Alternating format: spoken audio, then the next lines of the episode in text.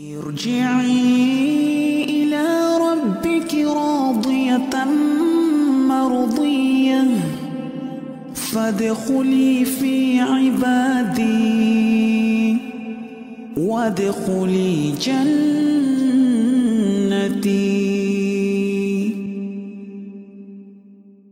Untuk mempersingkat waktu, untuk tidak berlama-lama, kami persilakan Ustazina Ustaz Dr. Firanda Atuja untuk memulai kajian kita pada siang hari ini. Tafadhol silakan Ustaz. Bismillahirrahmanirrahim. Assalamualaikum warahmatullahi wabarakatuh. Alhamdulillahi ala ihsani wa syukru lahu ala taufiqihi wa amtinani. Asyhadu an la ilaha illallah wahdahu la syarika lahu ta'ziman li sya'ni wa asyhadu anna Muhammadan abduhu wa rasuluhu da'ila ridwani. Allahumma salli alaihi wa ala alihi wa ashabihi wa ikhwani. Uh, para pemirsa yang dirahmati Allah Subhanahu wa taala. Uh, Alhamdulillah uh, puji dan syukur kita panjatkan kepada Allah Subhanahu wa taala yang masih memberikan kita kesempatan untuk bisa bertemu kembali dalam rangka untuk menuntut ilmu. Dan sebagaimana yang telah diumumkan, kita akan bahas tentang kisah-kisah para ulama, kisah-kisah para orang soleh yang kita ambilkan dari kitab uh, Siyar A'lam An-Nubala karya Al-Imam Al-Zahabi uh, rahimahullahu taala. Yang beliau wafat pada tahun 748 Hijriah dan beliau bermadhab Syafi'i. Dan beliau uh, ahli sejarah dan juga ahli hadis ya. Sehingga beliau memiliki uh, banyak buku-buku hadis tentang para perawi tentang rijal ya. Demikian juga beliau menghukum hadis dhaif atau sahih. Itulah di antara ke kelebihan Imam Az-Zahabi rahimahullahu taala. Dan kita tahu ketika kita berbicara tentang sejarah ya. Tentang sejarah para ulama. Datang riwayat-riwayat ya. Yang riwayat tersebut ada yang benar dan ada yang tidak benar ya. Maka ini di antara kelebihan Imam Az-Zahabi rahimahullah. Beliau menerangkan ya bahwasanya ini benar ini tidak benar perawinya ada bermasalah ya. Sehingga kita ketika membaca sejarah yang beliau tulis uh, uh, lebih lebih nyaman ya. Uh, ikhwan dan akhwat yang dirahmati Allah Subhanahu wa taala, kajian Darmais yang dirahmati oleh Allah Subhanahu wa taala. Uh, perlu kita mempelajari kisah-kisah uh, orang-orang soleh, orang-orang terbaik ya. Uh, dalam rangka untuk memotivasi kita beribadah dan beramal soleh untuk mengekang jiwa kita yang begitu semangat untuk meraih dunia ya karena kita lihat bagaimana kisah-kisah mereka sangat menakjubkan kalau tidak diriwayatkan dengan riwayat yang sahih kita bilang ini hanyalah dongeng semata. Seperti nanti akan kita baca dari kisah Uwais Al-Qarani. Tetapi ternyata kisahnya datang dalam riwayat yang sahih dan ini pernah terjadi. Ini pernah terjadi. Di antara hikmah atau manfaat kita mempelajari Eh, kisah-kisah mereka selain tadi kita untuk memotivasi diri kita beramal soleh yang kedua untuk menghilangkan rasa ujub rasa bangga dengan amal yang sudah kita lakukan seorang terkadang ketika dia baru melakukan amal soleh dia merasa hebat dia merasa bangga. Dia sudah merasa melakukan sesuatu yang wow untuk agama ini. Ya sehingga terkadang dia ditimpa dengan penyakit ujub. Tetapi ketika dia membaca sejarah orang soleh terdahulu eh, para ulama atau para ahli ibadah ya dia sadar bahwasanya dia ini uh, tidak ada apa-apanya ya. Sehingga amal soleh yang dia lakukan dia tidak ujub dan dia terpacu untuk terus beramal soleh. Terpacu untuk beramal soleh. Dan ini di antara obat yang paling tepat untuk menghilangkan penyakit ujub adalah seorang membaca kisah mereka. Sehingga dia tahu bahwasanya dirinya tidak ada apa-apanya. Ya. Dirinya tidak ada apa-apanya. Jadi inilah praktek nyata dari eh, apa namanya ajaran-ajaran Islam yang pernah diterapkan dipraktikkan oleh sebagian orang-orang yang dipilih oleh Allah Subhanahu wa taala. Dan pada kesempatan kali ini yang pertama kali kan kita bahas adalah Uwais seorang tabi'in Uwais uh, Al-Qarani ya. Uh, dan dia adalah uh, seorang tabi'in dan ada yang mengatakan beliau juga adalah Al-Mukhadram. Uh, ada istilah dalam Ahlul Hadis ya, namanya sahabat. Sahabi, siapakah sahabi? Sahabi adalah Eh, man ra'a Nabi sallallahu alaihi wasallam itu orang yang melihat Nabi atau man laqiya Nabi sallallahu alaihi wasallam atau orang yang bertemu dengan Nabi sallallahu alaihi wasallam uh, mukminan bihi uh, dalam kondisi beriman kepada Nabi sallallahu alaihi wasallam kemudian juga wa mata mukminan kemudian juga meninggal dalam kondisi beriman itulah para sahabat ya. Mereka diberi karunia oleh Allah Subhanahu wa taala untuk melihat langsung Nabi sallallahu alaihi wasallam untuk bertemu langsung dengan Nabi sallallahu alaihi wasallam dan mereka beriman kepada Nabi sallallahu alaihi wasallam ketika bertemu dengan Nabi sallallahu alaihi wasallam. Kemudian setelah itu mereka pun meninggal dalam kondisi beriman. Mereka itulah yang dalam istilah disebut dengan para sahabat. Uh, kemudian ada namanya para tabi'in.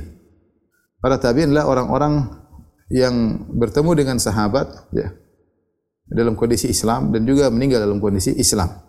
Para tabi'in. Para tabi'in tidak bertemu dengan Nabi SAW. Mereka bertemu dengan uh, para sahabat. Dan banyak di antara mereka yang lahir setelah uh, Nabi SAW wafat ya. Mereka lahir kemudian mereka bertemu dengan uh, para sahabat ya. Ada namanya kibaru tabi'in yaitu tabi'in yang senior yang dia bertemu para dengan para sahabat-sahabat senior. Ada masih gharu tabi'in itu tabi'in yang eh, junior yang tidak bertemu kecuali hanya segelintir sahabat tapi mereka masih dalam generasi uh, yang mulia. Nanti ada namanya tabi'ut tabi'in. Tabi'ut tabi'in adalah generasi berikutnya yang bertemu dengan tabi'in, yang bertemu dengan tabi'in. Uwais Al-Qarani masuk ke mana? Uwais Al-Qarani masuk ke tabi'in. Tetapi sebagian ulama mengatakan dia mukhadram. Kenapa? Karena di, ketika Nabi SAW hidup, dia juga sudah masuk Islam. Dia sudah masuk Islam. Ya, jadi dia dia bukan bukan masuk Islam setelah Nabi meninggal, tidak. Ketika Nabi hidup, Sallallahu Alaihi Wasallam, dia sudah masuk Islam. Dia sudah beriman kepada Nabi. Hanya saja dia lokasinya di Yaman. Nabi di Hijaz, di Madinah. Eh, beliau Uwais Al-Qarani di di Yaman. Dan beliau tidak sempat untuk datang kepada Nabi untuk bertemu dengan Nabi sallallahu alaihi wasallam. Dan akhirnya dia hanya ketemu dengan sahabat. Ketemu di antara dia ketemu dengan Umar bin Khattab radhiyallahu taala anhu ya. Sehingga disebut dengan uh, mukhadram yaitu dia masuk Islam di zaman Nabi sallallahu alaihi wasallam namun tidak ketemu dengan Nabi sallallahu alaihi wasallam karena ada uzur disebutkan oleh para ulama. Beliau tidak ketemu Nabi karena beliau sibuk ngurusin ibunya yang mungkin harus diurusin di negeri Yaman ya. Inilah uh, Uwais Al-Qarani kita akan bacakan dari uh, tulisan Al-Imam Al-Zahabi uh, rahimahullahu taala. Beliau berkata Uwais Al-Qarani saya bacakan di jilid 4 ya. Dari Syiar A'lam An-Nubala jilid keempat halaman 19 ya. Uwais Al-Qarani ya. Huwa al-qudwatu zahidu sayyidu tabi'in fi zamanihi. Beliau adalah uh, pemimpin ya, teladan beliau adalah teladan az-zahid, orang yang zuhud Sayyidul Tabi'in fi zaman. Dia pemimpin para tabi'in di zamannya.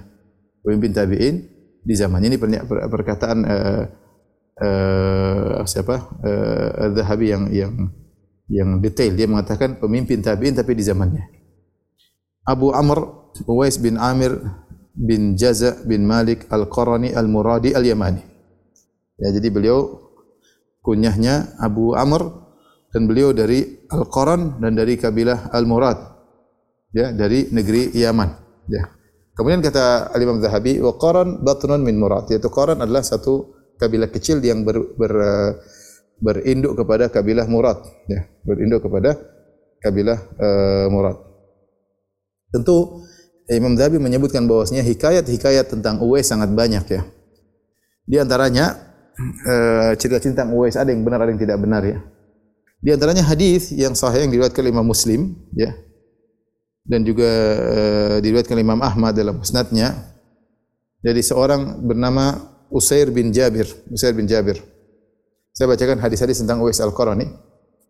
Qala lamma aqbala ahlul Yaman tatkala penduduk Yaman datang ke kota Madinah ja'ala Umar radhiyallahu anhu yastaqri'u rifaq fayaqul hal fikum ahadun min qaran ya.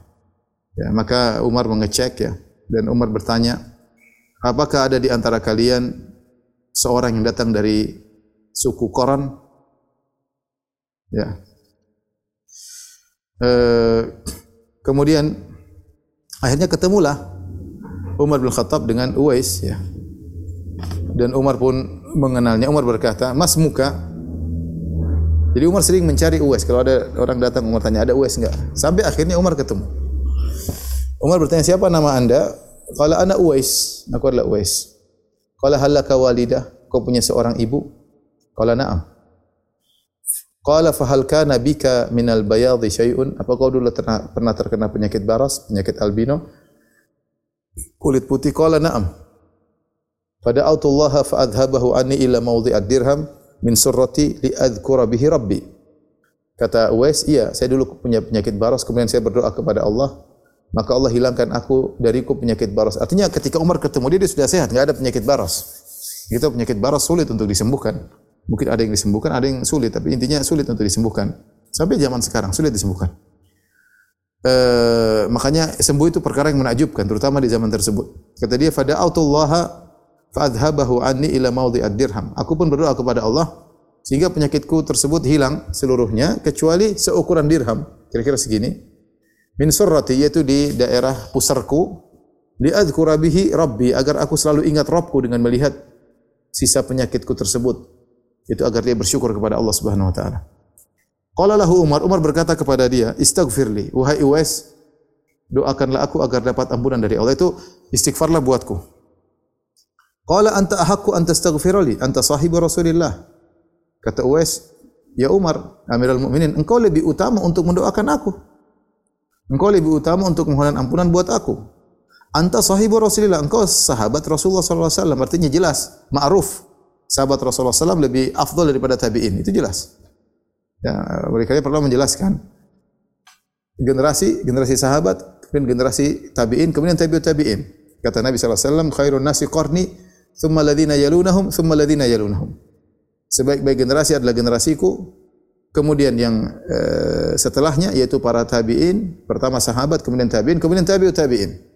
Dan sebenarnya mengatakan bahwasanya sahabat yang bertemu dengan Nabi masuk Islam, kemudian meninggal dalam kondisi Islam, mereka sahabat lebih afdol daripada tabi'in secara person. Artinya seluruh person sahabat mereka diberi keutamaan melihat Nabi SAW. Mereka lebih afdol daripada para tabi'in. Meskipun para sahabat bertingkat-tingkat. Tapi generasi sahabat secara person lebih afdol daripada generasi tabi'in. Sebagaimana para sahabat bertingkat-tingkat, tabi'in juga bertingkat-tingkat. Makanya, makruf bahwasanya generasi sahabat lebih afdal daripada generasi tabi'in. Makanya ketika Umar minta doa dari Uwais, maka Uwais berkata, justru engkau yang mohon ampunan buat aku wahai Umar. Engkau adalah sahabat Rasulullah sallallahu alaihi wasallam. Umar kemudian menjelaskan kenapa saya minta doa dari kamu. Kata Umar, "Inni sami'tu Rasulullah sallallahu alaihi wasallam yaqul." Aku mendengar Rasulullah sallallahu bersabda, Inna khairat tabi'in rajulun yuqalu lahu Uwais. Sungguhnya sebaik-baik tabi'in adalah seorang namanya Uwais. Walahu walidatun wa kana bihi bayad. Dan Uwais ini punya seorang ibu dan dia dulu punya penyakit baras, penyakit albino. Fada Allah fa adhabahu anhu ila mawdhi'ad dirham fi suratihi. Maka dia berdoa kepada Allah maka Allah hilangkan penyakit tersebut kecuali seukuran dirham di pusarnya. Ya. Akhirnya Uwais pun mohonkan ampun buat uh, buat Umar ya. Uwais pun mohonkan ampun buat buat Umar. Ini salah satu riwayat berkaitan dengan Uwais uh, Al-Qarani ya. Dalam riwayat yang lain yang juga dari Usair bin Jabir ya. Dia berkata, "Kana Umar bin Khattab idza ata alaihi amdadu ahli Yaman sa'alam afikum Uwais bin Amir." Umar kalau ada amdad maksudnya pasukan tambahan dari negeri Yaman karena di zaman Umar banyak jihad, banyak peperangan sehingga mereka butuh bantuan dari Eh, dari negeri-negeri kaum muslimin yang sudah dikuasai oleh kaum muslimin. Di antaranya orang-orang Yaman datang untuk membantu uh, peperangan. Maka setiap ada bantuan dari negeri Yaman, pasukan, maka Umar bertanya, "Afikum Uwais?" Dia mencari-cari memang, "Afikum Uwais? Apakah ada Uwais di antara kalian?" Ya sampai akhirnya dia ketemu dengan Uwais sebagaimana tadi, ya. Bahkan Umar berkata, "Min Murad, summa min Qaran?" Kau dari Murad, kemudian kau dari suku Qaran? Kata dia, "Na'am." Kemudian Umar bertanya lagi, kau dulu punya penyakit baras, ya, terus sembuh kecuali seukuran dirham? Dia berkata, iya. Dia berkata lagi, kau punya ibu? Kata dia, iya. Subhanallah. Sampai dalam sebagian riwayat, wes heran ini kenapa ini? Ada apa ini? Umar kayak detektif aja kok tanya, tanya ada apa dengan saya gitu. Akhirnya Umar jelaskan kenapa dia bertanya-tanya seperti itu karena kabar dari Nabi. Dia mengatakan, "Sami itu Rasulullah SAW yakul." Kata Umar bin Khattab radhiyallahu anhu, "Aku mendengar Rasulullah SAW bersabda, "Ya'ti alaikum Uwais bin Amir ma'am dadil Yaman min Murad thumma min Qaran." Subhanallah. Ini salah satu tokoh yang Rasulullah SAW sifati dengan sifat yang detail. Akan datang seorang dari negeri Yaman, eh, dari Murad, dari Qaran. Sifatnya begini, sifatnya begini, sifatnya begini. Yang mungkin kita tidak dapati uh, orang-orang lain ya. Kecuali Nabi SAW mensifati Nabi yang lain, Nabi Isa mungkin. Ya, atau Nabi sifati Nabi Ibrahim, Nabi sifati sifati Nabi Yusuf. Tapi selain selain para nabi, Nabi tidak pernah datang dalam hadis Nabi sifatkan dengan detail seperti itu seperti Nabi mensifatkan Uwais Al-Qarani.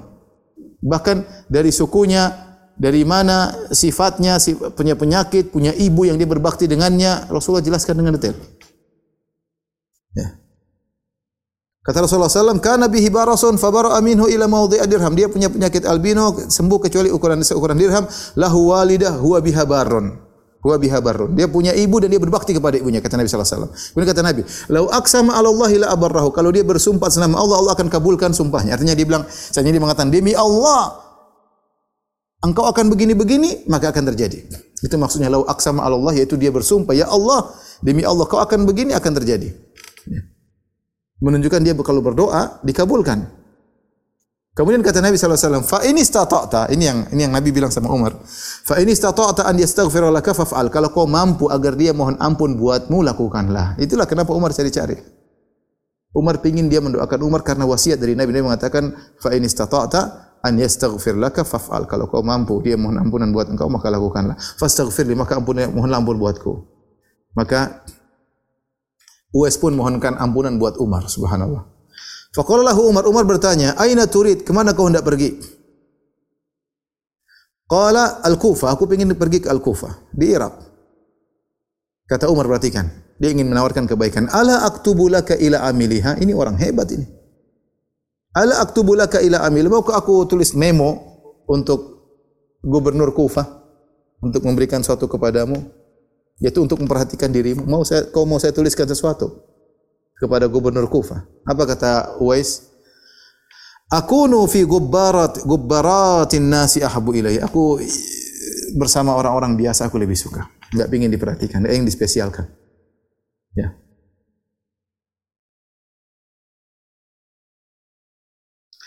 Falamma kana minal amil muqbil akhirnya pergilah dia ke Kufah. Tatkala tahun berikutnya hajjar rajulun min asrafihim. Datang seorang uh, dari Kufah datang berhaji mampir ke Madinah. Tahun depan ini, tahun depan. Fa wafaqa Umar kebetulan orang tersebut orang yang mulia ini ketemu Umar. Maka Umar bertanya kepada orang tersebut. Fasa'alahu an Uwais. Gimana? Kalian kenal Uwais kan? Gimana kondisinya di sana? Umar tanya, Umar ingin tahu. Qala taraktuhu rathal haythah qalilal mata'. Aku tinggalkan Uwais dalam kondisi Rathal Haithah disebutkan di sini yaitu miskin. Rumah semerawut tidak ada apa-apa, miskin. Qalilal mata tidak punya tidak punya barang, miskin. Uh, akhirnya Umar ceritakan kepada orang yang mulia ini. Ya. Sungguhnya aku mendengar Rasulullah SAW pernah bersabda akan datang kepada kalian seorang laki namanya namanya Uwais bin Amir bersama uh, apa namanya pasukan bantuan pasukan dari negeri Yaman berasal dari murad dari Quran ya. Sebagian uh, ulama ada sebuah buku judulnya Uwais Al-Qarani karangan seorang doktor dia mengatakan uh, Quran itu adalah salah satu tempat di Yaman sekarang di kota Ib. Di kota Ib ya. Ada sebagian kawan-kawan saya di sekolah di Madinah dari Yaman dari kota Ib ya. Quran di sana asalnya. Allah alam bisawab. Jadi Umar sampaikan kepada orang orang mulia ini yang dari Kufah dia mengatakan Rasulullah pernah menyampaikan kepada akan datang seorang dari yang bernama Uwais Al-Qarani dari dari Yaman, dari Murad, dari Qaran. Dulu dia punya penyakit baras, kemudian sembuh kecuali seukuran dirham dan dia punya ibu dan dia berbakti kepada ibunya. Seandainya ber, ber, bersumpah atas nama Allah, Allah akan kabulkan. Kalau kau mampu, mohonlah ampunan darinya, uh, mohonlah agar dia mau beristighfar untukmu. Orang ini harinya ketika mendengar hadis ini, dia datang kepada Uwais. Dia pulang, dia ketemu Uwais. Padahal Uwais miskin, enggak ada yang pedulikan ya enggak enggak terkenal. Maka dia bilang, wahai Uwais, istighfirli, mohonlah ampunan buatku. Uwais heran. Kata Uwais, anta ahdathu ahdan bi safarin salih. Kau baru saja safar haji. Ya, artinya kau lebih utama. Ya, fastaghfirli, kau yang ampunan buat, kau yang mohon ampunan buat aku, bukan aku. Kebalik kan orang musafir doanya dikabulkan. Qala istighfirli. Orang ini balik lagi, tidak Uwais. Kau yang mohonkan ampun buatku. Akhirnya Uwais sadar, ah, kamu ketemu Umar ya. ketemu Umar ya. Qala na'am. Akhirnya Uwais pun memohonkan ampun ya. Ketika Uwais tahu bahwasanya Umar kasih tahu orang bahwasanya dia doanya dikabulkan, fafatina lahun nas fantalaqa ala wajhi ya. Maka orang-orang pun tahu dia pun pergi ya. Kata Usair Aku pernah memberikan dia. Usair ni ketemu dengan Uwais. Wa kasautuhu burdatan. Aku berikan kepada dia burdah. Jadi Uwais ni disebut dalam sebagian riwayat, dia sampai jarang ketemu orang. Kenapa? Dia enggak punya baju, saking miskinnya. Dia enggak punya baju. Kadang-kadang dia punya baju, kadang enggak punya. Sehingga kalau dia enggak punya baju, dia enggak berani keluar. Sehingga orang ngejek dia ya. Sampai akhirnya si Usair ini kasih dia kas, kasautuhu burdah. Aku kasihkan dia burdah. Itu kain yang bagus. Ya. Dan waktu Uwais mau dikasih, Uwais bilang jangan. Nanti orang ngomong apa. Tapi dikasih. Akhirnya benar. Wa kana kullu man ra'ahu, kalau ada yang lihat dia pakai baju burdah, baju yang bagus, mereka berkata min aina li uwaisin hadhil bur dari mana dapat burdah ini seakan-akan dia dituduh mencuri atau mengambil sesuatu yang tidak benar ya inilah Uwais uh, Al-Qarani ya. Dalam riwayat Muslim yang lain Rasulullah SAW mengatakan khairut tabi'in sebaik-baik tabi'in. Uh, dalam riwayat yang lain ini disebutkan juga Al-Zahabi ya.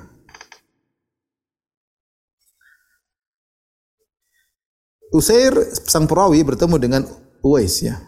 Dia mencari Uwais akhirnya fastadlaltu alaihi wa ataituhu. Aku pun ditunjukkan di mana tempat Uwais. Fakultu aku pun berkata kepada Uwais, "Kenapa enggak muncul Uwais? Ma habasaka an? Apa yang buat kau tidak keluar ketemu dengan masyarakat yang lain?" Kata dia, "Al-uryu, yaitu aku tidak punya baju." Ya.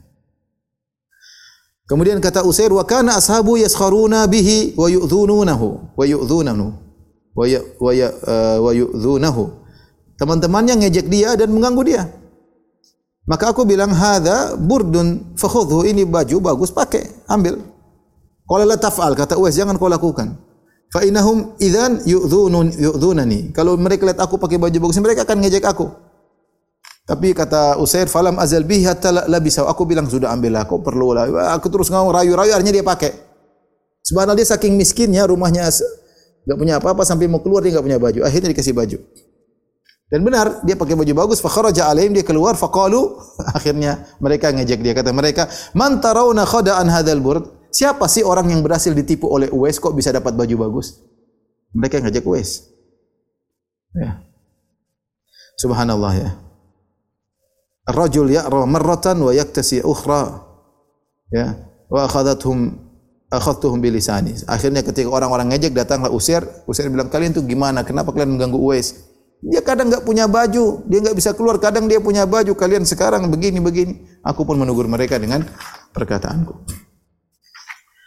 Uh, bahkan disebutkan ya dalam suatu riwayat ini mungkin riwayat terakhir kita bacakan ya.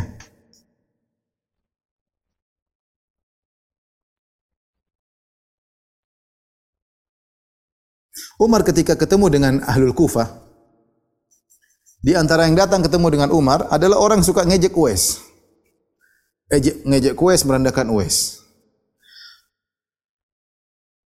Umar bertanya, tahukah kalian Uwais di Kufah? Kata orang ini dengan sombongnya, Ma hadha minna wala na'rif. Ini siapa? Kami enggak kenal. Kata Umar, bala innahu rajulun kadza wa kadza. Dia ada orang yang sifatnya begini-begini. Ya, seakan orang seakan orang tersebut merendahkan Uwais. Ya. Akhirnya mereka berkata, "Fina rajulun ya Amirul Mukminin diqala Uwais." Ya, ya ya Umar, ya Umar Amirul Mukminin. Umar jadi khalifah. Benar ya Umar, Amirul Mukminin. Di tempat kita di Kufah ada seorang orang sebut dia namanya Uwais. Kata Umar, segera temui dia. Fala araka tudriku. Menurutku kau tidak akan bertemu dengan dia. Maka orang tersebut datang langsung menuju ke Uwais pulang ke Kufah qabla an ya'ti al sebelum ketemu dengan keluarganya langsung datang ke Uwais. Padahal dia biasanya ngejek Uwais. Uwais heran ini orang kenapa? Baru pulang tidak tidak mampir ke rumahnya langsung ke rumah Uwais, rumah yang semrawut yang tidak punya apa-apa. Maka Uwais berkata, "Ma hadhi adatuka? Ini bukan kebiasaanmu ke sini." Fama badalaka? Emang ada apa? Kenapa ke sini? Dia mengatakan, "Aku mendengar Umar bercerita tentang dirimu begini begini begini." Maka mohonlah ampunan buatku. Kata Uwais, la af'alu hatta taj'ala li 'alaika alla yataskhar bi fima ba'd. Saya akan mohon ampunan buat engkau tapi janji jangan ngejek saya lagi. Ini pertama, jangan ngejek saya lagi. Yang kedua, Allah tazkura ma sami'tahu min Umar li ahad. Jangan kau yang apa yang kau dengar dari Umar jangan kau ceritakan kepada siapapun. Jangan cerita siapapun. Pertama, jangan kau ngejek saya lagi. Yang kedua, jangan ceritakan kepada siapapun. Qala na'am. Kata lagi tersebut, iya. Maka Uwais mohon ampunan buat buat orang tersebut. Usair sang perawi mengatakan, "Fama labithna an fasha amru bil Kufah." Akhirnya beritanya tersebar, semua orang tahu Umar bin Khattab memuji Uwais, Uwais oh, doanya dikabulkan. Akhirnya aku mencari Uwais, Uwais sudah uh, apa namanya? Uh, hilang ya, dia pergi dari dari kami. Tapi inilah ikhwan akhwat yang rahmati Allah Subhanahu wa taala. Beberapa uh, riwayat-riwayat yang berkaitan dengan Uwais Al-Qarani ada juga riwayat-riwayat uh, yang dhaif ya, ya saya tidak sebutkan. Uh, di antara keutamaan Uwais ya uh, datang dalam satu hadis yang disahihkan uh, oleh Syekh Al-Albani rahimahullahu taala ya uh, uh, bahwasanya akan ada dari umatku Nabi mengatakan akan ada dari umatku yang dia bisa memberi syafaat lebih banyak daripada Bani Tamim ya. Kata Nabi sallallahu alaihi wasallam ya, disahkan oleh Syekh Al-Albani, ya dukhulul jannata kata Nabi sallallahu alaihi wasallam akan masuk surga bi syafaati rajulin min ummati. Karena syafaat dari seorang dari umatku aksar min Bani Tamim, lebih banyak dari Bani Tamim. Jadi ada satu Bani Tamim itu banyak banget ya. Ada orang gara-gara dia, orang mau surga gara-gara syafaat dia lebih banyak yang mau surga eh, jumlah yang masuk surga tersebut lebih banyak daripada jumlah Bani Tamim gara-gara syafaat seseorang. Seseorang ini siapa? Datang dalam sebagian riwayat tapi riwayatnya dhaif semuanya. Adalah Uwais Al-Qarani. Rasulullah tidak menyebut namanya tapi datang sebagai riwayat tapi dhaif semua mengatakan Uwais Al-Qarani. Sebagian ulama mengatakan maksudnya Uwais Al-Qarani. Wallah alam bisawab tapi intinya dia adalah seorang yang sangat uh, yang sangat mulia. Uh, ikhwan dan akhwat yang rahmatillah subhanahu wa ta'ala Tentunya ketika kita menyampaikan kisah ini Kita ingin mengambil faedah daripada Kisah yang uh, mulia ini Yang pertama Perhatikan Uwais Al-Qarani Nabi di Madinah Dia di Yaman Jarak jauh antara Madinah dan Yaman ya. Madinah harus ke Mekah dulu Baru ke selatan semakin jauh Baru ketemu Yaman jauh Sangat jauh ya. Terpisah antara Nabi dengan Uwais sangat jauh ya. Eh, tentu tidak ada yang mengenal dia. Orang katakan majhulun fil ard ma'rufun fis sama. Dia tidak dikenal di atas muka bumi tapi terkenal di langit. Siapa yang kasih tahu dia kepada Nabi? Allah Subhanahu wa taala. Allah yang kasih tahu ya Rasulullah, ini ada orang di Yaman sifatnya begini-begini namanya Uwais. Nabi jadi tahu. Siapa yang kasih tahu Nabi? Allah Subhanahu wa taala. Ini faedah bagi kita bahwasanya Kalaupun tidak ada yang mengenal kita baik, kalaupun tidak ada yang mengetahui kita rajin ibadah, kalaupun tidak ada yang mengetahui kita rajin sedekah, Allah Maha tahu, jangan khawatir. Lihat jauh antara Nabi dengan Uwais. Tetapi Nabi dikasih tahu oleh Allah Subhanahu wa taala dan Nabi memberitahukan kepada Umar bin Khattab akan ada seorang sifatnya begini-begini. Jadi eh, dalam hidup ini jangan terlalu ingin dikenal, jangan terlalu ingin diketahui dan dalam Al-Qur'an banyak sekali Allah mengatakan dalam Al-Quran misalnya wajah rajulun min aqsal madinati yas'a. Datanglah seorang dari ujung kota. Wajah min aqsal madinati rajulun yas'a. Ya. Dalam surat uh, Yasin wajah min aqsal madinati rajulun yas'a. Dalam surat Al-Qasas wajah rajulun min aqsal madinati yas'a. Dua orang ini Allah sebutkan dengan datang seorang laki datang seorang laki-laki Wa qala rajulun min mu'minun min ali fir'aun yaktumu imanahu. Ada seorang dari keluarga Firaun yang menyembunyikan imannya. Allah Allah yang menyebut rajulun rajulun rajulun. Seorang seorang seorang seorang.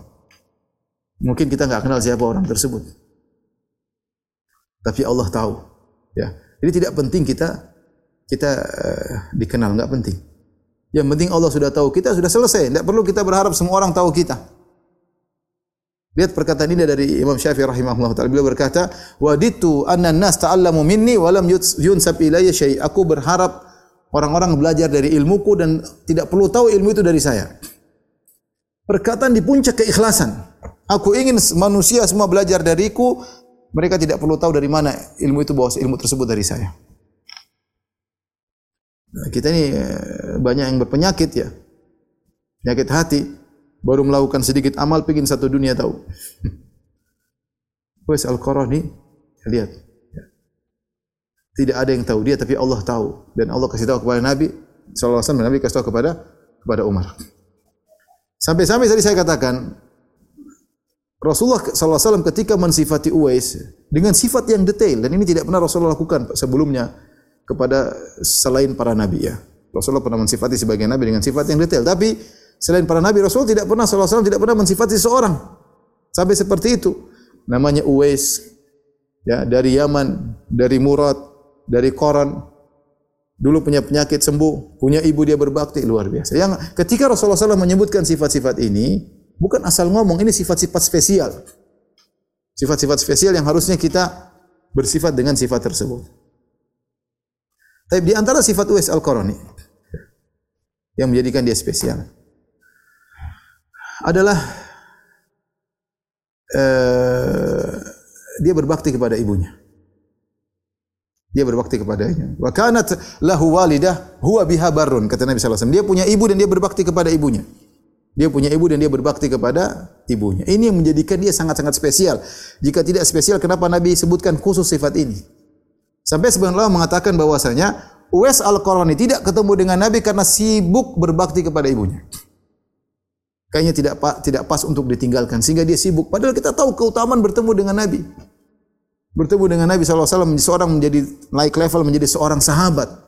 Sehingga ayat-ayat yang memuji sahabat akan dia juga dapatkan. Tetapi dia punya pertimbangan.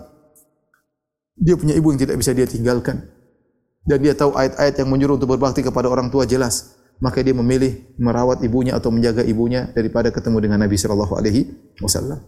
Ya ini sifat yang menjadikan dia mulia Ya, di antaranya berbakti sama orang tua. Makanya ikhwan dan akhwat mumpung antum kalau masih punya orang tua masih hidup, jangan sia-siakan ya. Waktu terbatas. Ya, umur orang tua antum lebih singkat daripada kesibukan antum. Kesibukan kita mau kita nurutin kesibukan kita enggak bakalan pernah habis. Sibuk ini, sibuk anu, sibuk ini, sibuk anu, sibuk ini, sibuk anu.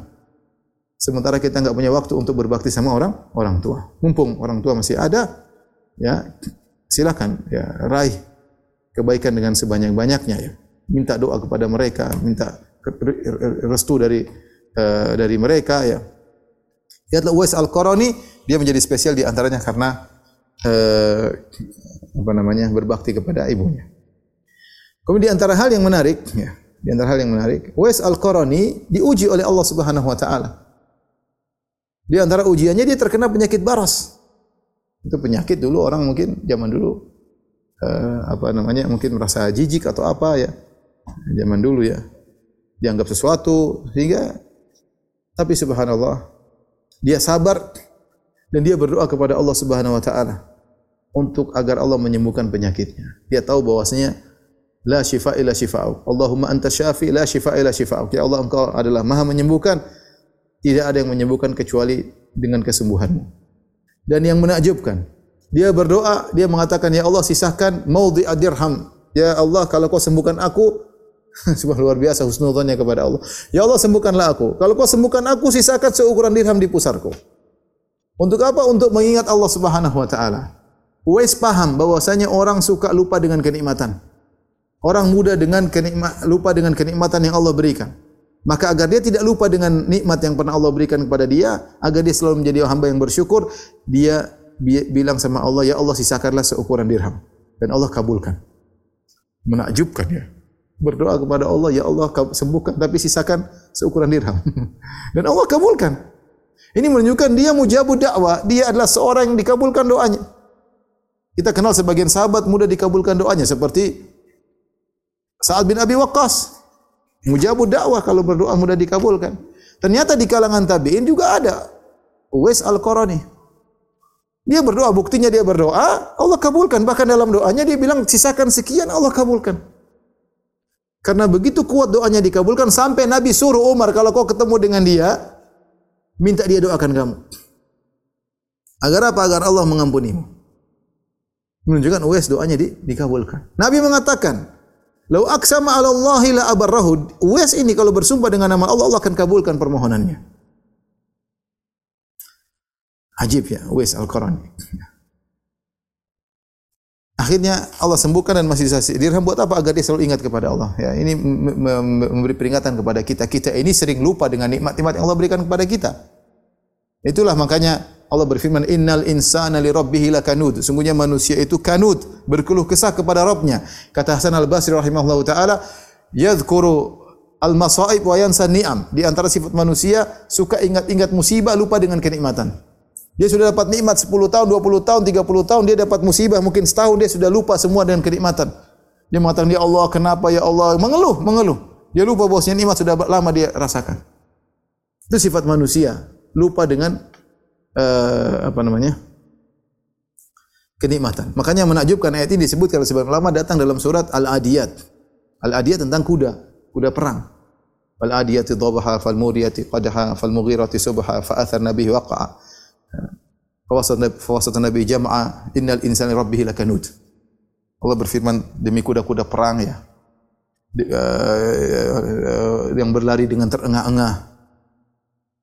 Uh, kemudian yang tapalnya menghantam Eh, batu sehingga keluar apa percikan-percikan. Kemudian masuk ke dalam tengah pertempuran, kemudian dia membuat debu bertaburan ya. Kuda. Dikasih kebaikan sedikit tapi luar biasa membela sang pemilik. Mereka kasih makan, disayang-sayang tapi lihat dia masuk dalam medan pertempuran. Diatur oleh sang pemilik kuda. Kemudian Allah berkata, "Innal insani rabbi lakanut." Manusia enggak seperti kuda. Manusia suka berkeluh kesah. Kuda enggak pernah ngomel. Disuruh ke sana, disuruh ke sini, penting kasih makan, kasih rumput selesai. Dia tahu berterima kasih kepada kepada tuannya. Bahkan untuk berperang, untuk masuk di medan pertempuran, dia juga bisa terancam mati.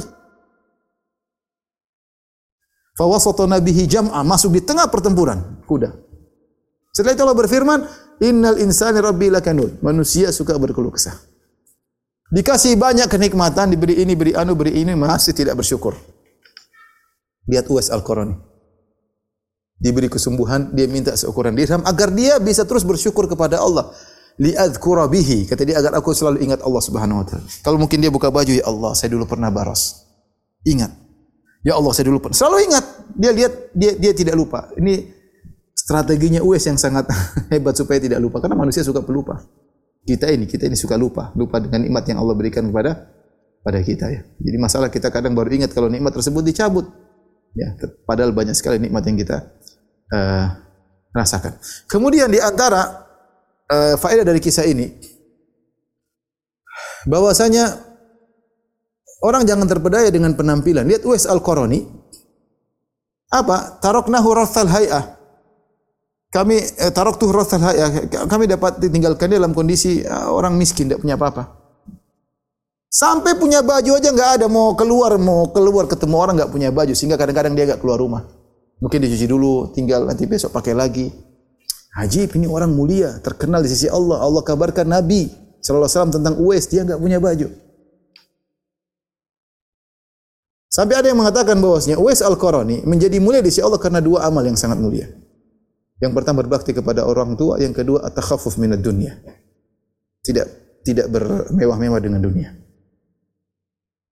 secukupnya. Dan ini bukan berarti saya mengajak kaum muslimin untuk miskin ya, enggak ya, jangan salah paham ya. Ya. Eh, kita butuh orang punya dana, Rasulullah SAW berdakwah butuh dana dan Rasulullah memanggil para sahabat untuk bersedekah, sering. Kita butuh dana, tetapi eh, jangan masukkan ke hati, itu yang pertama. Dunia ini akan kita tinggalkan. Kita seperlunya, sudah seperlunya kita punya kelebihan, ngapain kita simpan-simpan? Sudah, kita untuk akhirat kita. Ya. Yang kedua khusus terkhusus kepada kawan-kawan saudara-saudara yang mungkin diuji dengan kekurangan ekonomi. Eh, kita berharap mereka bersabar dan berakhlak mulia. Mungkin anda enggak dianggap oleh orang. Wes Al-Quran juga ada yang anggap. Dia berbakti sama orang tua juga orang enggak ada yang tahu. Tapi Allah tahu enggak? Allah tahu.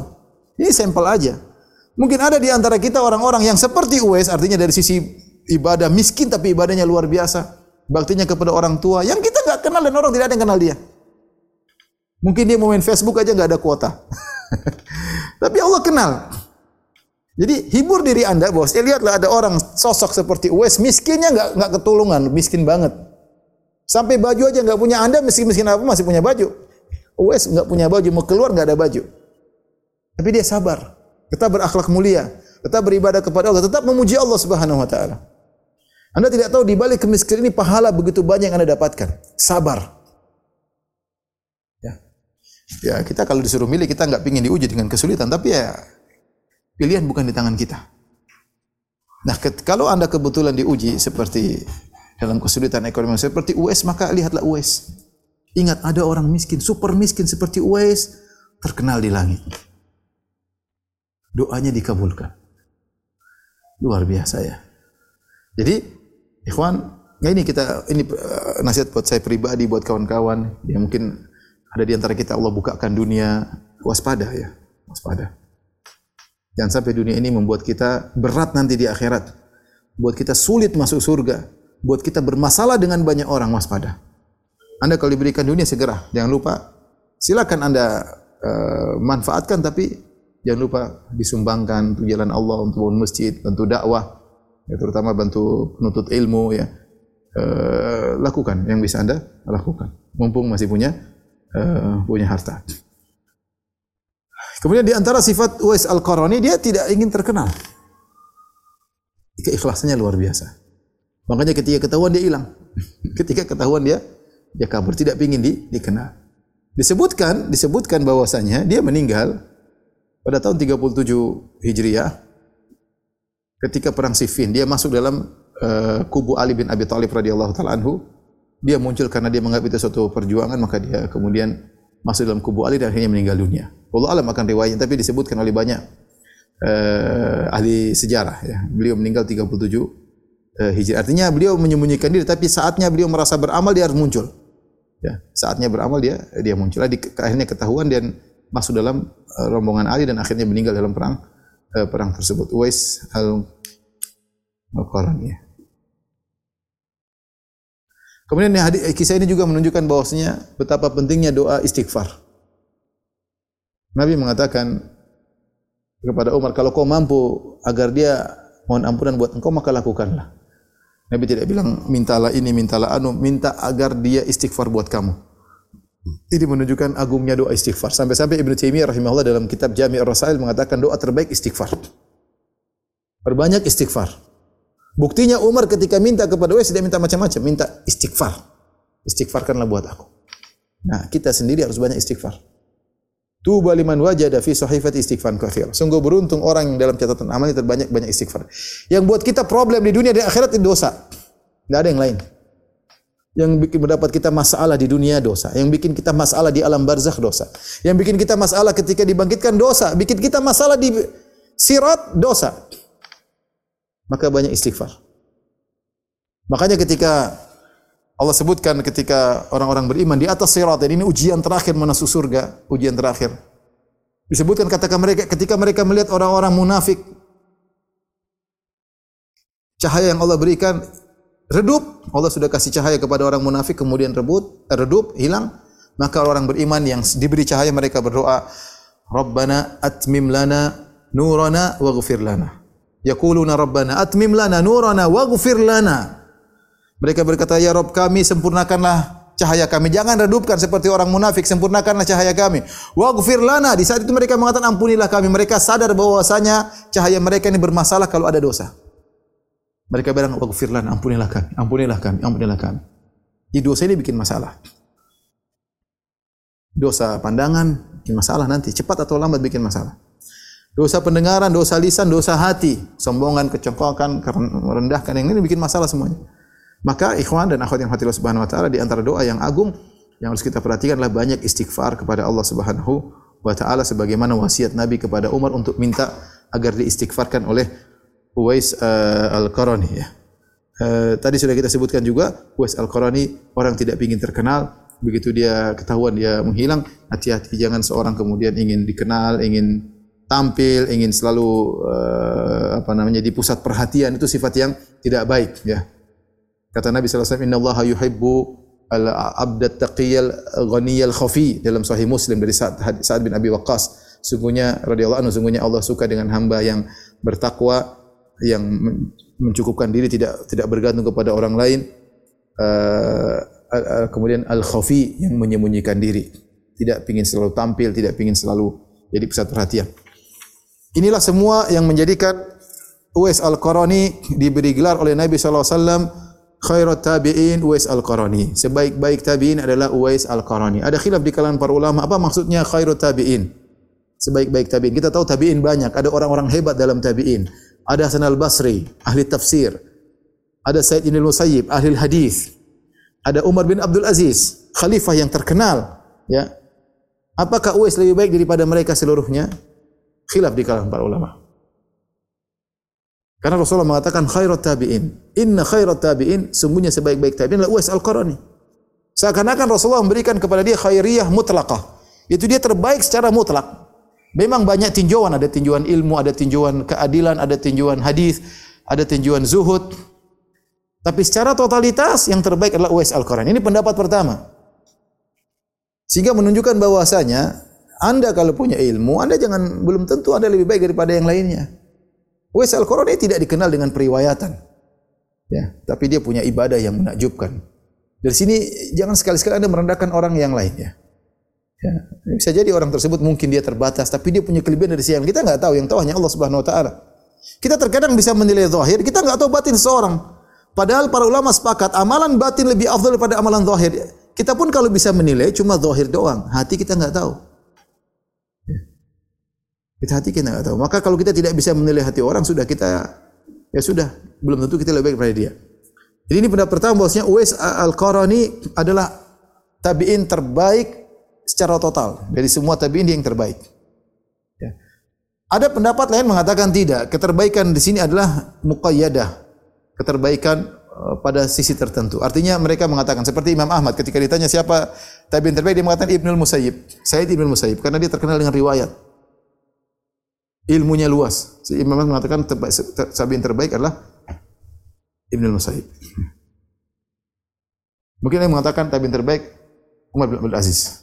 Mungkin mengatakan Hasan al-Basri. Tapi intinya uh, Imam Ahmad memandang dari satu sisi. Ya. Sementara uh, Uwais al-Qarani adalah tabi'in terbaik daripada kezuhudannya. Zuhud. Orang yang sangat zuhud. Yang dunia tidak dalam hatinya. Bersabar dengan kesulitan yang Allah berikan. Ya.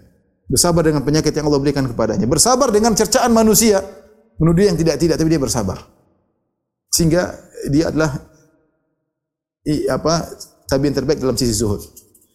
Dan tadi saya katakan makanya di awal pengajian bagaimana Az-Zahabi ketika menerjemahkan biografi atau menyebutkan biografi Uwais Al-Qarani beliau berkata huwal qudwatu zahidu sayyidu tabi'in fi zamanihi. Beliau adalah uh, ini ini tarjih dari Az-Zahabi Az-Zahabi merajihkan atau menguatkan bahwasanya beliau adalah tabi'in terbaik secara mutlak tapi di zamannya. Beliau wafat tahun 37 Hijriah. Yang dikatakan Sayyidut Tabi'in fi zamani, pemimpin para tabi'in di zamannya. Artinya bisa jadi setelah beliau meninggal ada tabi'in yang mungkin lebih afdal dari sisi yang lain. Intinya Allah alam bisawab inilah orang soleh uh, Uwais Al-Qarani ya, yang sejarahnya memberikan kita banyak peringatan, pelajaran ya yang hendaknya kita berusaha meniru uh, sifat-sifat yang Rasulullah sebutkan tentang Uwais Qarani. Demikian apa yang saya sampaikan. Uh, mungkin kalau ada yang bertanya saya persilahkan Allah taala alam bisawab. Masya Allah, Barakallahu Fikir Ustaz atas apa materialnya. Jazakallah khairan kasir. Kemudian selanjutnya insya Allah akan berfaedah buat kita semua dan kita lanjut ke pertanyaan yang sudah sangat banyak sekali di kolom chat.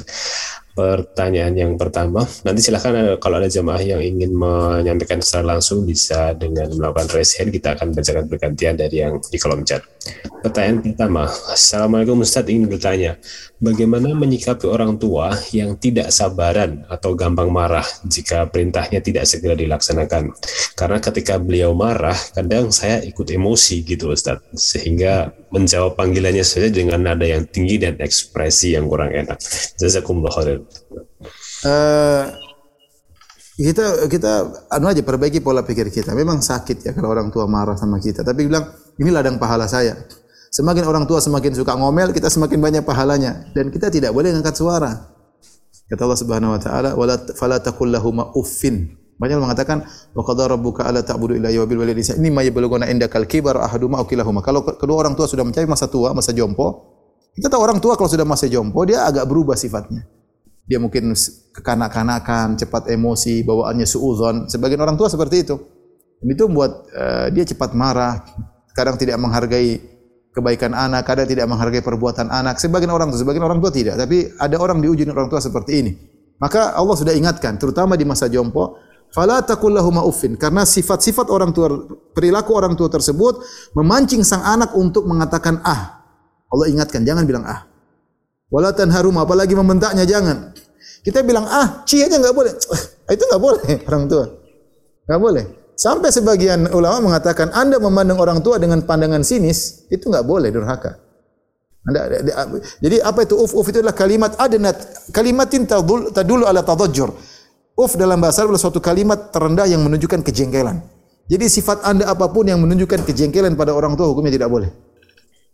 Ya akhi ente apa cuma orang tua dulu mengandung Anda kerja kerja setengah mati berkorban macam-macam sehingga Anda menjadi orang besar sekarang. Orang tua sekarang mungkin ngomel-ngomel, tidak menghargai perbuatan Anda, merendahkan. Anda sudah Anda sabar itu ladang pahala. Ladang pahala. Mungkin lebih lebih cepat Anda dapat pahala daripada Anda puasa Senin Kemis daripada solat malam ngantuk-ngantuk. Udah ini berbakti sama orang tua diomelin sabar ya Bu, ya Mak, ya Pak. Udah itu pahalanya terus, argo pahala jalan terus. Santai aja udah. Anggap saja udah ini orang tua lagi sakit, ya wajar ke kekanak-kanakan. Ya udah, sakit hati mungkin tapi sabar. Sabar, ingat kebaikan-kebaikan mereka. Waktu kita masih kecil kalau dia enggak ngurus kita, kita mau jadi apa ya? Ya, ya sini sampaikan jangan pernah pelit sama orang tua. Jangan pernah perhitungan sama orang tua. Kalau orang tua dulu perhitungan sama kita, kita mungkin dikurus kerempeng ya. Sudah mutakhallif ya maksudnya cacat mental, daftar ke mana-mana enggak diterima karena bahlul ya. Ibu orang tua dulu kasih gizi yang terbaik, kasih ini terbaik. Sekarang ente sama orang tua perhitungan. Kalau orang tua sama anda perhitungan dulu udah mati mungkin si kecil jadi kurus krempeng nggak tahu cacat dan macam-macam. Oleh karenanya sabar, mumpung masih hidup, masih dengar omelan orang tua. Nanti anda satu saat kalau orang tua sudah nggak ada, anda rindu diomelin sama orang tua. Mumpung dia masih bisa ngomel, nanti dengar aja. Nanti suatu saat anda, anda kehilangan ngomelan tersebut.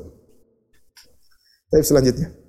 Baik, ya, barakallahu fikum. Uh, selanjutnya kita bergantian ke yang raise hand. Silahkan Dokter Mutiara untuk di unmute.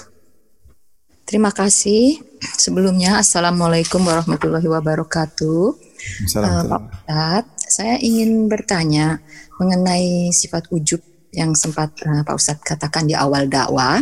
Uh, yang saya tahu memang kalau kita berbuat kebaikan sebaiknya jangan ada yang tahu. Jadi tangan kanan memberi, tangan kiri jangan sampai tahu. Um, hal itu juga untuk menyelamatkan kita dari sifat ujub. Tetapi saya pernah mendengar dari seseorang yang berkata bahwa kalau kita beramal, misalnya bersedekah, uh, justru harus terang-terangan. Uh, pertanyaannya, bagaimana kalau ada orang yang bersedekah kemudian menguploadnya di sosmed? Dengan niat mengajak orang-orang lain untuk berbuat kebajikan dan amal soleh. Dan memang pada kenyataannya banyak uh, banyak orang setelah melihat sosmed orang tersebut tergerak hatinya untuk ikut bersedekah dan juga mengikuti jejak orang tersebut. Nah, bagaimana hukumnya Pak Ustadz? Apakah itu juga termasuk ujub dan mengurangi pahala atau bahkan dosa? Atau orang tersebut mendapat pahala karena niatnya mengajak orang berbuat kebajikan tersebut berhasil? Terima kasih sebelumnya Pak Pak Ustadz. Assalamualaikum warahmatullahi wabarakatuh. Waalaikumsalam warahmatullahi wabarakatuh. Allah berfirman, "In tubdu sadaqati fa ni'mahi wa in tukhfuha wa tu'tuha al-fuqara fa huwa khairul lakum wa yukaffiru ankum min sayyi'atikum. Wallahu bima ta'maluna khabir." Kata Allah Subhanahu wa taala surat Al-Baqarah, kalau kalian menampakkan sedekah itu baik. Kalau kalian menampakkan sedekah itu baik. Tapi kalau kalian sembunyikan, kalian berikan kepada fakir miskin, kalian sembunyikan itu lebih baik lagi. Fa huwa khairul lakum. Lebih baik lagi dan Allah akan menghapuskan dosa-dosa kalian. Allah Allahu bima ta'maluna khabir. Allah tahu apa yang kalian lakukan meskipun kalian sembunyikan. Ayat ini jelas bahwasanya sedekah ada dua tingkatan. Tingkatan pertama adalah dengan ditampakkan tapi ikhlas. Ditampakkan tapi ikhlas. Dan itu tidak mengapa. Kita tidak boleh menuduh orang kalau ada orang upload dia publish dia sedekah, kita enggak itu urusan hati urusannya dengan Allah Subhanahu wa taala, ya. ya. Tapi ada tingkatan lebih tinggi yaitu menyembunyikan sedekah, menyembunyikan uh, sedekah. Ini hukum asal, hukum asal bahwasanya sedekah yang terbaik dan amalan secara umum yang terbaik adalah dengan disembunyikan. Bahkan dalam hadis sedekah sir tudfi ghadab rabb. Bahwasanya sedekah yang dilakukan sembunyi-sembunyi akan memadamkan kemarahan Allah dan banyak salaf yang mereka berusaha bersedekah dengan uh, sembunyi-sembunyi. Namun kapan kita dianjurkan untuk bersedekah secara terang-terangan? Nah, tadi misalnya kita seorang ustaz atau kita skudwah yang orang meniru apa yang kita lakukan. Maka silakan kita bersedekah terang-terangan, tetapi kita kontrol hati kita, hati-hati, waspada. Saya pernah ditanya, Ustaz, saya saya beramal soleh, saya umroh, saya haji, saya upload Ustaz. Niatmu apa? Ya agar orang ter, termotivasi Ustaz biar umroh dan haji. Banyak orang punya duit tapi pelit tidak mau tidak mau umroh haji. Saya bilang iya. Itu niat bagus. Benarkah cuma itu saja atau sekalian ria, sekalian pamer? Nah, itu kata dia mungkin sekalian Ustaz. Nah, kalau sekalian repot. Jangan sampai sekalian ria, jangan sekalian pamer. Kalau benar-benar kita niat untuk memotivasi, kita benar-benar harus tulus kepada Allah dan kita niatkan ini untuk motivasi. Terutama kalau seorang itu adalah panutan atau dia tokoh. Yang penting dia niatkan karena Allah dan itu yang perlu hati-hati dengan uh, masalah niat. Ya, masalah. Adapun kalau niatnya terkontaminasi, niatnya untuk termotivasi sekaligus untuk diketahui agar orang menghormati dia, maka itulah ria. Itulah ria dan itu berbahaya dan bisa menggugurkan amal uh, amal soleh. Jadi seorang tidak mengapa dia apa namanya menampakkan amalan dia tapi tidak semuanya yang perlu-perlu saja. Saya kasih saya kasih solusi contohnya begini. Contohnya ada orang ingin bangun masjid. Kemudian misalnya seseorang maju ke depan, ayo ayo jamaah. Kita masjid ini masih butuh duit nih. Masih butuh satu miliar nih. Nih saya satu juta ya depan ini. Bismillah. Ayo. Akhirnya terpacu. Satu juta saya tampakkan, tapi sepuluh juta saya sembunyikan. Artinya yang saya tampakkan yang saya perlukan aja untuk motivasi. Tidak perlu saya bilang saya sepuluh juta, tidak perlu. Ya. Ada kadang-kadang amal harus kita tampakkan supaya untuk menghilangkan tuduhan, untuk motivasi, tapi tidak semua kita ceritakan. Karena rawan kalau kita sudah ceritakan tuh kita ini lemah hatinya. Para salaf dahulu mengerti akan bahayanya ria sehingga mereka berusaha menyembunyikan amal soleh mereka karena mereka khawatir. Sebagian kita justru berusaha untuk menampakkan seakan-akan tidak akan tidak bakalan ria. Ini yang saya khawatir. Kita tidak boleh nuduh orang ya. Cuma kita bicara tentang saya pribadi. Siapa yang merasa aman bahwasanya dia akan tidak ria? Ya kita amal orang tahu, masya Allah ya masya Allah kita kepala besar gara-gara seperti itu. Maka uh, ibu yang bertanya silahkan tidak jadi masalah. Seorang pertama saya ingatkan kita bukan untuk nuduh orang, orang menampakkan urusan dia dengan Allah. Tapi kita bicara untuk dengan pribadi kita. Kita boleh tampakkan kalau ada maslahat besar dengan tetap menjaga niat. Tapi kita cukup menampakkan secukupnya saja. Tidak semua harus kita akhirnya terbawa malah terbiasa menampakkan seluruh amal soleh kita. Akhirnya semua amalan soleh ketahuan orang. Padahal Nabi SAW berkata, Manis atau aminkum an yakun lahu khabirun min amalin salih fal yaf'al. Siapa di antara kalian yang mampu untuk menyembunyikan amal saleh, maka lakukanlah. Kalau ada maslahatnya untuk motivasi, silakan. Ya, dan insya Allah kita dapat pahala juga dari orang yang mengikuti kita. Allah alam bisawab. Alhamdulillah, barakallah. Ustaz. Uh, terima kasih Ibu Dr. Mutiara yang sudah menyampaikan pertanyaannya dari Australia beliau Ustaz dan alhamdulillah mewakili beberapa pertanyaan serupa yang ada di kolom chat. Kemudian masih berkaitan dengan sifat teladan dari uh, uh, US ada beberapa hal yang berkaitan dengan uh, berbakti antara bakti anak dan orang tua. Ada pertanyaan dari Bima, Nusa Tenggara Barat. Bismillahirrahmanirrahim, izin bertanya Ustadz, uh, anak punya anak umur 9, 6, dan 4 tahun. Anak dapati mereka lebih banyak membangkang, terutama ketika disuruh untuk beribadah. Dan kodarullah, uh, mungkin karena terpengaruh oleh lingkungan mainnya, masih belum bisa berhijrah. Pertanyaannya, bagaimana cara kita sebagai orang tua berbakti kepada orang tua kami supaya anak-anak kami bisa taat juga kepada kami? Bolehkah kita berbakti kepada orang tua kami? Anak niatkan Semoga dengan ini anak-anak kami juga bisa berbakti kepada kami. Tafadhol Ustaz. Uh, saya tidak belum saya belum menemukan dalil ya bahwasanya secara dalil ya bahwasanya jika Anda berbakti kepada orang tua maka anak Anda akan berbakti kepada Anda ya. Dan saya juga tidak menemukan ada motivasi demikian. Kamu berbaktilah supaya anak berbakti. Meskipun meskipun banyak kejadian seperti itu, seorang berbakti, anak juga berbakti tapi bukan suatu kelaziman ya. Jadi eh, maksud saya, kalau kita berbakti sama orang tua, enggak usah niatkan seperti itu. Sudah niatkan ini perintah Allah. Nanti urusan anak kita, kalau itu otomatis, kalau memang itu adalah kelaziman, akan otomatis tanpa harus kita niatkan. Agar niat kita lebih murni. Ya, nanti antum kecewa nanti sudah bersama orang tua, anak saya kok nakal kecewa akhirnya. Padahal itu ujian dari Allah bisa jadi. Ya, bisa jadi itu ujian dari Allah Subhanahu Wa Taala. Nabi Nuh mungkin sangat berbakti kepada orang tuanya tapi anaknya misalnya kafir. Maksud saya, sudah kalau kita bersama orang tua enggak usah niatkan itu, niatkan benar-benar ini karena perintah Allah. Saya ingin dapat pahala besar uh, dan selanjutnya. Selanjutnya kita berdoa kepada Allah, ya Allah anugerahkan saya anak anak yang saleh. Rabbi habli minas salihin. Ya Allah anugerahkanlah kepadaku anak yang yang saleh. Rabbana hab lana min azwajina seterusnya. Jadi tidak usah dikaitkan antara saya begini supaya anak saya berbakti enggak enggak perlu. Menurut saya enggak perlu karena enggak ada dalil yang menyuruh untuk seperti itu. Sudah ikhlaskan saja karena Allah ini perintah Allah. Masalah anak kita doa sendiri. Kalau memang itu kelaziman Allah akan di antaranya bisa jadi Allah sedang itu banyak terjadi. Uh, seorang baik sama orang tuanya akhirnya anak juga berbakti. Dan itu banyak terjadi. Tapi tidak usah kita niatkan seperti seakan-akan kita minta jatah dunia dari Allah Subhanahu wa taala. Allah alam bisawab. Mungkin pertanyaan terakhir, Dok, kalau ada. Uh, baik, pertanyaannya sebenarnya masih banyak tapi baik Ustaz uh, pertanyaan terakhir. Nah. Uh, Bismillahirrahmanirrahim. Assalamualaikum Ustaz, izin bertanya. Um, jika kita ingin pergi ke sebuah majelis ilmu, kajian dengan ustaz-ustaz salaf, namun orang tua tidak menyetujui karena beliau takut kalau kita salah pergaulan. Dan saya sudah berusaha menjelaskan tentang kajian ilmu bersama ustaz-ustaz salaf tersebut. Yang ingin saya tanya, ya malah beliau marah ketika saya sudah menjelaskan itu. Bagaimana uh, saya harus menyikapi hal ini Ustaz? Yang pertama, Alhamdulillah Antum punya orang tua yang sayang sama Antum. Dia takut Antum tersesat.